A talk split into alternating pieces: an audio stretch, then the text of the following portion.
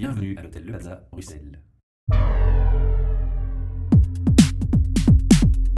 Podcast. Goedemiddag allemaal, welkom opnieuw op een nieuwe podcast hier live in het Plaza Hotel, die ons elke maand zal vergezellen. Nu, bij ons zit Stefan. Stefan, stel jezelf even voor. Ja, goedemiddag. Eh, mijn naam is Stefan van Weverbergen. Ik ben eh, account director bij De Facto Image Building, communicatiebureau. Wat, eh, wat, je vandaag de dag? eh, Wel, ehm, als account director ehm, bij een communicatiebureau, zoals ik al zei, eh, focussen we hoofdzakelijk op HR-communicatie. HR-communicatie waarbij we klanten bijstaan in een employer marketing verhaal. Want er wordt veel gesproken over employer branding, maar eigenlijk moet je het iets breder zien. En employer marketing is eigenlijk ehm, de manier waarop je als werkgever op een effectieve manier nieuwe kandidaten gaat aantrekken, maar ook werknemers gaat engageren. Dus, en dat bestaat eigenlijk uit eh, employer branding, recruteringscommunicatie en interne communicatie. Dus eigenlijk is het verhaal iets breder dan enkel de employer branding, waar eh, toch wel veel mensen over spreken. Nu, eh, ja, de reden waarom dat de mensen er eigenlijk zoveel over spreken, wa- wat is er veranderd tegenover pakweg 15 jaar geleden? Ja, er is heel wat aan de hand op de arbeidsmarkt. Hè. Ehm, ondanks het feit dat het crisis is, ehm, ja, zijn veel bedrijven ehm, hopeloos, hopeloos liever op zoek naar, eh, naar de juiste profielen. Eh, ze ontvangen wel cv's, heel veel cv's, maar om, om die juiste, goede mensen te vinden is toch wel heel moeilijk. Bovendien, met de, de generatie die er, die er nu eh, eigenlijk is, de genera- Generation Y, waar ook al zoveel over geschreven wordt, Ehm, is het eigenlijk zo dat die, die profielen toch wel eerder willen gevonden worden. Ehm, we zitten ook in de wereld van social media, eh, mobile devices, ehm, waar toch een, een andere aanpak eh, vereist is. Daarnaast is het ook belangrijk, denk ik, om als bedrijf op een andere manier te communiceren, op een andere manier naar voren te komen. Niet alleen door middel van dragers, maar ook als bedrijf zelf. Wie ben ik? Authenticiteit is daar een heel belangrijk punt. Ehm, eerlijkheid naar, eh, naar de kandidaten toe. Ehm, er moet ook een soort culture fit zijn. Ehm, dat is ook een van de nieuwe begrippen die nu in zijn. Eh, de kandidaat moet eigenlijk zich thuis gaan voelen in het, in het bedrijf, wat heel belangrijk gaat worden. Nu, dat allemaal samen met ook het feit dat er een, ehm, ja, een, uitstroom in de opkomst is eh, van, van babyboomers en, eh, en dergelijke. Dus eh, ja, dat, dat schept toch wat problemen. Veel, veel werk aan de winkel. Er is veel werk aan de winkel, absoluut. eh, heel zeker. En, en bedrijven zijn er zich terdege van bewust. Willen ook werken aan die employer branding. Denken soms dat het iets te makkelijk gaat, maar er zit, er zit heel veel meer achter dan het eigenlijk is hoor. Ja. En, en hoe, hoe pak je zoiets aan? Begin je eigenlijk, allee, kijk naar het bedrijf, doe je een soort van, van mystery calls? Of, of, of wat? Ja, we hebben een ideaal scenario. Een ideaal scenario bestaat uit een vijftal stappen. Die stappen die zeer uitgebreid zijn. Nu, dat ideale scenario eh, doet zich niet altijd voor, maar ik ga toch even schetsen om, eh, om het eh, wat duidelijker te maken. In een eerste fase, ehm, en die bestaat, laten we zeggen, in de eerste drie fasen gaan we de EVP bepalen. Wat eigenlijk het hart is van ehm, de employer marketing verhaal. En wat is een EVP? Dat is de Electric voice phenomenon? Nee. ja, zo, zo, zo, Zo zou je het kunnen vergelijken. eh. Ja, We gaan wel direct naar de Ghost Hunters nu. Ja, ja of, nee, toch niet. Ehm, het is eerder employer value proposition. Een, een complexe term lijkt dat, maar eigenlijk is het gewoon, eh, wil dat zeggen van hoe ga je, welke boodschap ga je aan, het, eh, aan de potentiële kan, aan de kandidaat liever brengen? Ehm, wie ben je als werkgever en, en wat is het verhaal daarachter? Ehm, en om dat eigenlijk te gaan creëren, ga je toch wel een aantal stappen moeten doorlopen. En in de eerste fase is het de bedoeling dat, dat er echt wel een, onderzoek wordt gedaan ehm, naar wat bestaat er allemaal in het bedrijf, waar sta je voor als bedrijf, Ehm, zijn er al onderzoeken gebeurd in het verleden, waarvoor, eh, welke wa- welke waarden zijn er, wat is de cultuur, enzovoort. In een tweede fase gaan we dan kijken hoe, wat is de methodologie die we gaan gebruiken om die EVP te bepalen. Eh, gaan we focusgroepen organiseren? Eh, met werknemers van de bedrijven? Gaan we interviews afnemen? Gaan we enquêtes afnemen? Op welke vragen willen we een antwoord krijgen? Dat kunnen vragen zijn zoals, ehm, ja, waarom werk je hier graag als, werk, eh, als werknemer? Ehm, waarom zijn andere werknemers weggegaan? Dat is ook een heel belangrijke vraag om te weten in die bepaling. En in de derde fase ga je dan effectief de focusgroepen, interviews of enquêtes eigenlijk gaan afnemen. Ehm, waaruit dan effectief een, een, een EVP-rapport, eigenlijk een volledig rapport zal komen, ehm, waarin de boodschap zal uitgeschreven staan. En als je dat hebt, dan kan je overgaan naar een creatieve ontwikkeling, het, het omzetten naar een, uh, een slogan, baseline, ehm, creatieve visuele invulling en dergelijke meer. Dat is de vierde fase eigenlijk. En dan in de vijfde fase, dan ga je effectief naar de implementatie op de website van die beelden. ga je de website volledig in lijn maken met jouw verhaal. Want de website en de jobsite is, uh, is een heel belangrijk punt in, uh, in heel het uh, employer marketing verhaal.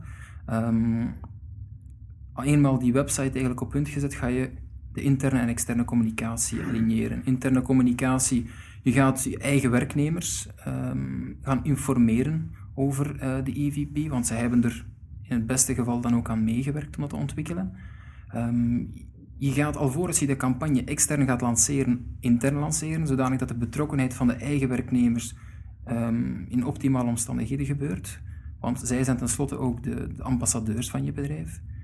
En dan ga je over naar de externe communicatie, waar je gaat werken aan je employer branding, effectieve recruteringscommunicatie, aan je relationship building, dat is ook zo'n mooi woord, maar het is wel belangrijk om met kandidaten een, een soort relatie te gaan opbouwen. En nu, ja, je hebt natuurlijk verschillende kanalen om dat ook allemaal te gaan verspreiden. Mhm. uh, ik denk aan de, de pers, ik denk aan, effectief zoals je al ook al aangaf, jobsites, de eigen site. Mhm. Uh, ook andere kanalen zoals social media. Mhm. Nu, ja, je bepaalt eigenlijk een strategie per kanaal, neem ik aan. Uh, want ja, bepaalde dingen gaan, gaan werken op, op, op schriftelijk vlak, maar niet op, op internetvlak? Of, ja, het klopt. Hè. Um, in je strategie, in het mediaplan, zoals we dat noemen, dat we opstellen, moet je gaan naar een, naar een, eigenlijk een multimediale mix. Een beetje afhankelijk ook van de budgetten die uh, voorhanden zijn, de, de doelgroepen die je wenst te bereiken, um, doelstellingen.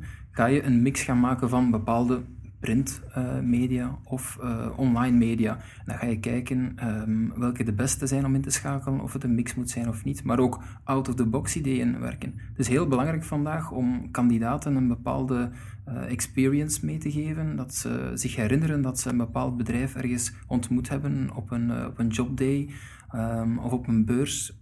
Ja, op beurzen, er zijn zoveel beurzen, maar hoe kan je als bedrijf daaruit springen?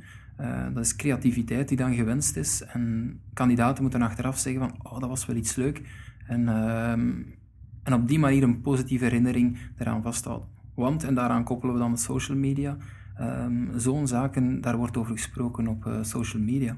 En jullie hadden het ook in de gaten als er uh, een bepaald event georganiseerd is en dat je achteraf een beetje de feedback bekijkt, uh, de mensen op de social media of eventueel per mail? Of, uh... Ja, dat is in samenspraak met de klant. Dus um, in veel gevallen, als we social media strategieën uitzetten samen met de klant, dan um, is het zo dat zij ofwel het volledig zelf in de hand kunnen houden, of dat zij eigenlijk ook uh, uh, zeggen van ja, nee, wij willen meer steun, wij willen meer backup. Uh, en dan dus wordt het hangt eigenlijk een beetje af van het bedrijf, hoeveel ze in eigen handen nemen, hoeveel ze uitbesteden. Daar ja, ja welke middelen ze ook hebben.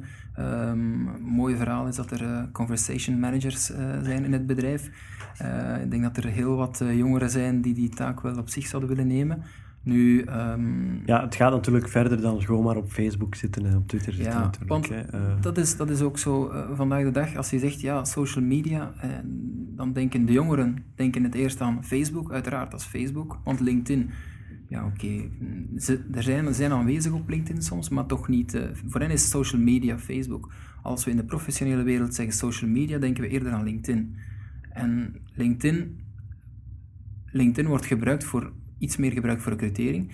Um, veel bedrijven vragen me nu van, ja, social media, en we willen een Facebookpagina. Zet een Facebookpagina op, want zo gaan we kandidaten vinden. Ik moet hen teleurstellen, want um, als je aan studenten vraagt van, gaan jullie op zoek via Facebook bijvoorbeeld naar een job? Dan nee. Het antwoord is nee. Het, het heeft een andere betekenis. Uh, Facebook is heel belangrijk voor bedrijven, maar eerder in het kader van ik ga mijn cultuur naar buiten brengen. Hoe is het om bij ons te werken? Services en producten en zo. Ja, dat is dan Eigenlijk- vanuit, vanuit de services mind. Maar als we kijken naar, naar het jobgerelateerde, dan is het eerder een soort culture pages, want dat heb je op jobsites ook, een soort culture page hebt waar je kan gaan ontdekken hoe het is om daar te werken. Maar een Facebook fanpage ehm, eh, dient eigenlijk om een idee te geven van hoe Wat, wat is de sfeer hier bij ons? Uh, een blik achter de schermen voor een groot stuk. En af en toe kan je daar effectief um, wat, wat functies in, in doorsturen, maar er is niets wat als je via Twitter bijvoorbeeld continu um, naar buiten brengt van ja, vandaag zoeken we een sales, uh, een sales uh, manager, vandaag zoeken we een client advisor, morgen zoek je een, boekhouder enzovoort enzovoort. Nee, dat helpt niet. Niemand, niemand gaat je nog volgen, niemand gaat dat eigenlijk opvolgen. Je moet zorgen voor een variëteit en dan, dan gaat het pakkend zijn. Um, en alles, alles hangt eigenlijk rond de strategie die je daarvoor opstelt. Waarvoor ga je bepaalde um, social media platformen gebruiken en waarvoor niet? Dus eigenlijk voor, voor Hager zelf uh, ligt je vooral op, op LinkedIn. Um, ja, ik denk dat het is, is makkelijk om op, bijvoorbeeld op LinkedIn uh, bepaalde profielen te gaan, gaan... Want jullie doen ook ja, employer branding. Je krijgt dan uh, die enquêtes die je intern hebt uitgevoerd. Ja, ga je bijvoorbeeld ook enquêtes extern uitvoeren via LinkedIn dan? Of andere... Nee, als we enquêtes als we externe onderzoeken gaan doen, dan is dat helemaal in, in de beginfase ook. Um, dan doen we dat uh, hoofdzakelijk met echte marktonderzoeksbureaus. Um, omdat we toch wel representatieve cijfers moeten hebben, want ja. tenslotte, die liggen aan de basis van heel het uh, employer marketing verhaal. Niet uh, twintig personen die gereageerd hebben op de enquête. Nee, dat, dat, is, er, dat, is goed, dat is goed voor een studentenpaper, maar toch niet om, om zo'n belangrijke beslissingen op te nemen. Nee. Nu, qua ja, hoe, hoe, meet je eigenlijk zo'n dingen op? Bijvoorbeeld een, een bedrijf die daar volledig niet aan, aan, aan werkt, bijvoorbeeld. En ja, ze komen op het, vandaag de dag, ze hebben iets gehoord van, van oh, employer branding, dat lijkt ons wel leuk. Uh, eenmaal dat je het volledig proces hebt doorlopen en je bent dan aan het einde van de rit, hoe, hoe meet je eigenlijk uh, het, het, verschil van, van imago? Doe je opnieuw een enquête? Doe je mhm. opnieuw... Uh... Er zijn verschillende, er zijn verschillende manieren om uh, bepaalde zaken te gaan meten. Dus je hebt de drie elementen. Je hebt employer branding, je hebt de recruteringscommunicatie en interne communicatie, want dat mogen we toch ook niet vergeten. Employer branding um, is soms heel moeilijk te meten. Um, in het beste geval doe je een nulmeting voor de lancering van de campagne. Dan ga je dan na twee jaar opnieuw een meting gaan uitvoeren, waarbij dat je dan de, de evolutie kan zien um, door het uh, geïnvesteerde budget. Um, recruteringscommunicatie daarentegen is iets makkelijker te meten. Um, stel je hebt als, uh, als doelstelling uh, eh, 100 mensen aan te werven, ja, zijn die op het einde van de rit aangeworven, ja of nee? Natuurlijk, hoe effectief sommige dragers binnen heel dat proces zijn, dat is, dat is wel wat moeilijker. Hè? Als je um, online kan je wel heel wat meer gaan meten dan dat je zegt, ik plaats een uh, printadvertentie, hoeveel reacties hebben we daarop gehad, terwijl er andere zaken lopen. Dus dat is al wat moeilijker te meten. Maar recruteringscommunicatie, als je een target hebt van x aantal mensen aan te werven en ze zijn aangeworven, dan heb je die target gehaald.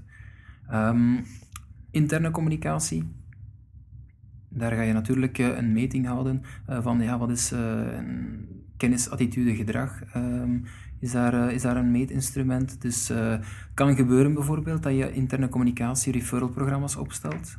wat vandaag de dag bij heel wat bedrijven strategisch um, vrij hoog wordt geplaatst, omdat je een referral-campagne.